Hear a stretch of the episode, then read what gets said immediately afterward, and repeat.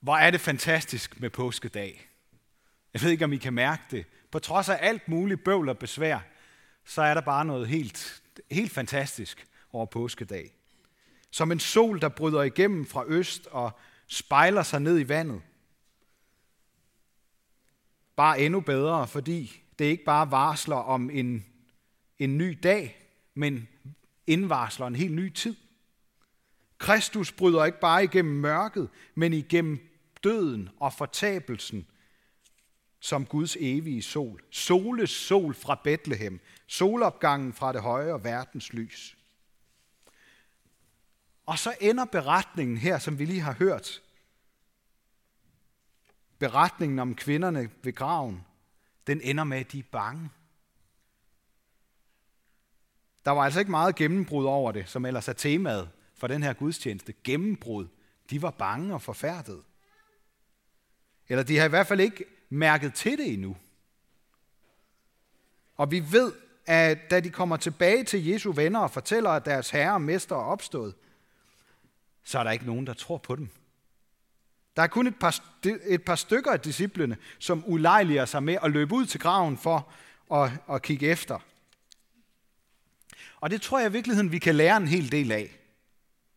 For i mødet med Gud og hans engle og hans ord til os, så er der meget, som vi ikke forstår lige med det samme. Og noget, vi måske aldrig helt fatter. Af den grund, så kan vi let komme til at regne for meget ind under troens mysterium. Der er jo ikke nogen mennesker, der har set Jesus stoppe fra de døde. Men der var altså rigtig mange, der så ham senere, som rørte ved ham, som spiste sammen med ham. Blandt andet Maria Magdalene, en af de tre, som øh, de første, der fik påskebudskabet. Jeg tror også, vi skal lægge mærke til, at noget så stort, i virkeligheden mysterier i det hele taget, de kan ikke fortælles videre. De skal opleves. Vi skal blive en del af dem, før de skaber tro i os. Budskabet også her påskedag, det skal ligesom, det skal gå i kroppen på os, det skal gå i benene på os. Det skal ikke bare bevæge os, men det skal få os i bevægelse. Som Peter og Johannes, der løb ud til graven, så må vi også løbe derhen, hvor det skete. Og hvis, øh, hvis vi ikke lige kan rejse til Israel, så må vi rejse ind i den verden, som Bibelen lukker op for os.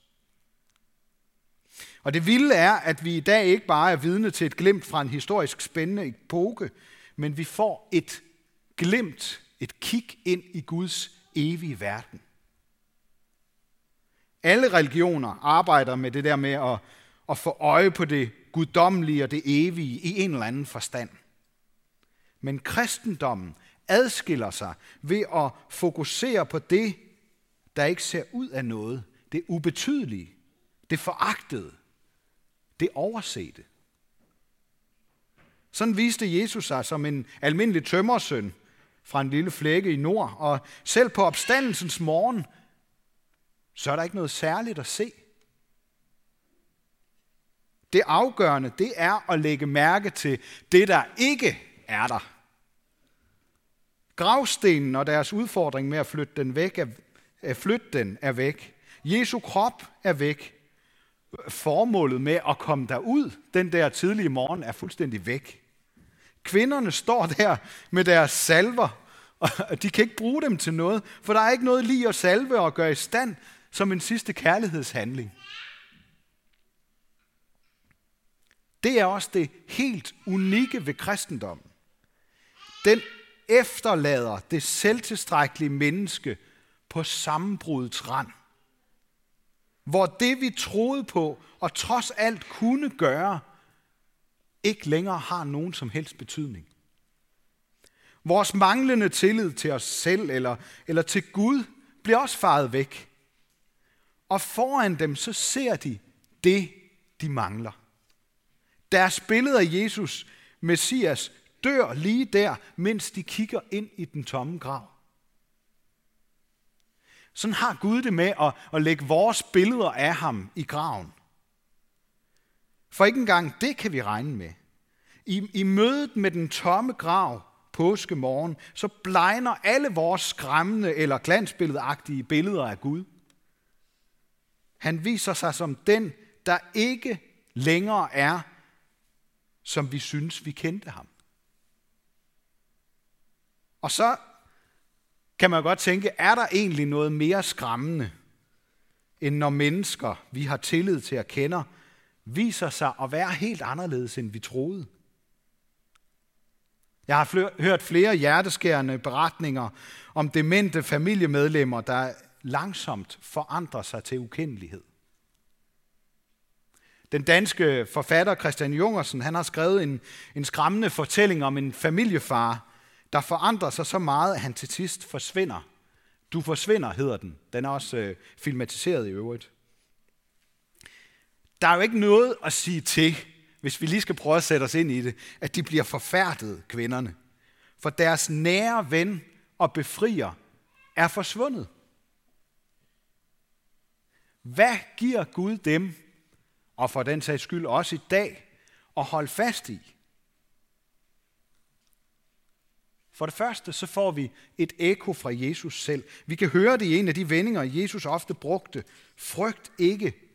Englen siger, vær ikke forfærdet. Det betyder det samme. For når vi ikke kan finde Jesus eller nogen mening med det hele for den sags skyld, så betyder det ikke, at han er forsvundet. Han er i virkeligheden endnu mere nærværende og parat til at hjælpe den, der er knust.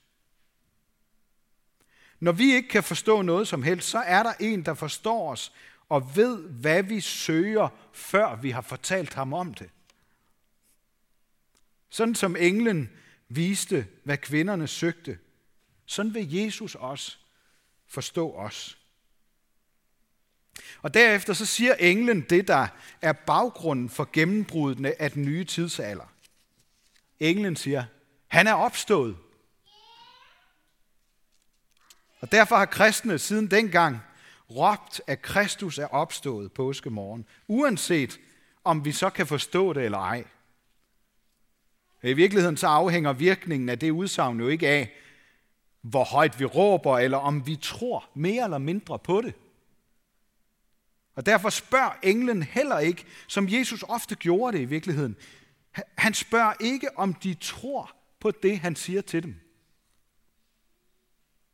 For deres tro gør hverken fra eller til. Men det, de fortæller videre til andre, det får en kæmpe betydning.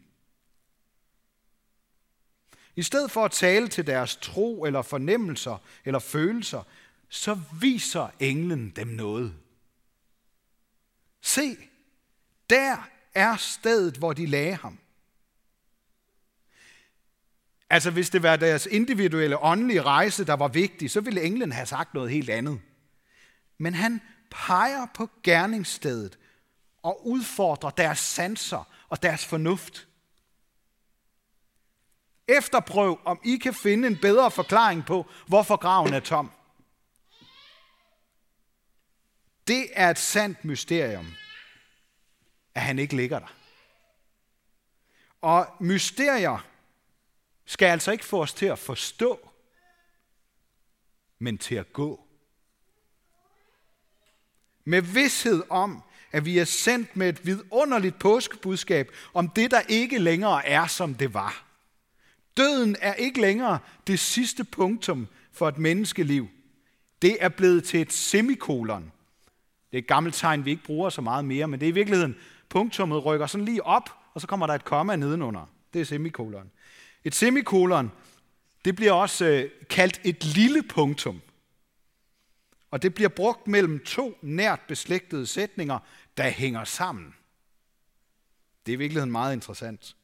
Påskemorgen, der gjorde Jesus dødens punktum til et semikolon og skabte forbindelse mellem det liv, vi kender, og fællesskabet med ham for evigt efter døden.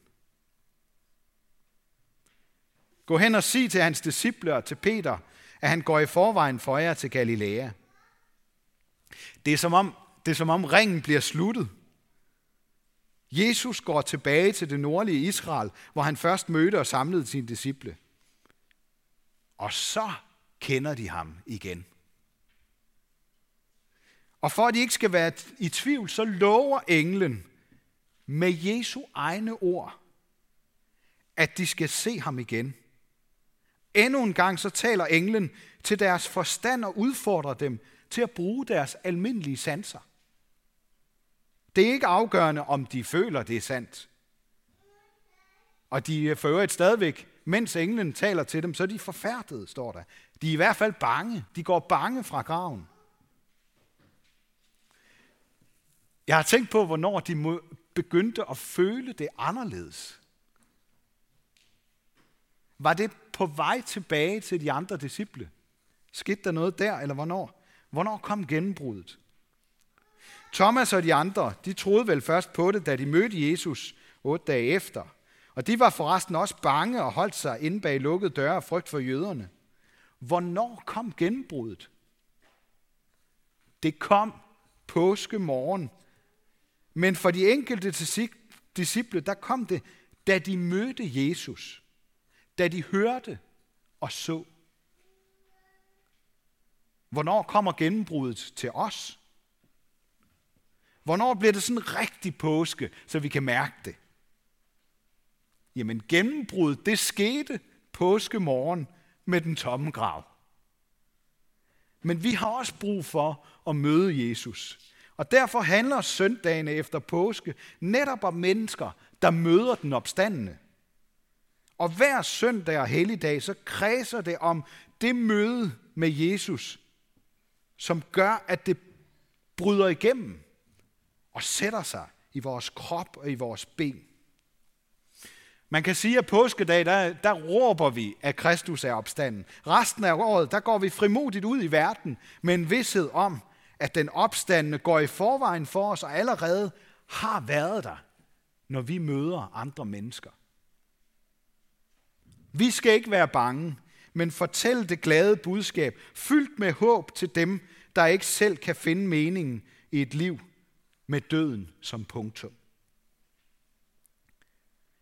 Hvis englens budskab kunne bryde igennem kvindernes frygt og forfærdelse dengang, så kan påskemorgen også bryde igennem til os i dag, og til dem, som vi fortæller det videre til. Glædelig påske. Ære være Gud, vores far, der har skabt os i sit billede. Ære være Guds søn, der tog vores straf, så vi kan slippe fri. Ære være Helligånden, ham, der gør Guds kærlighed levende for os.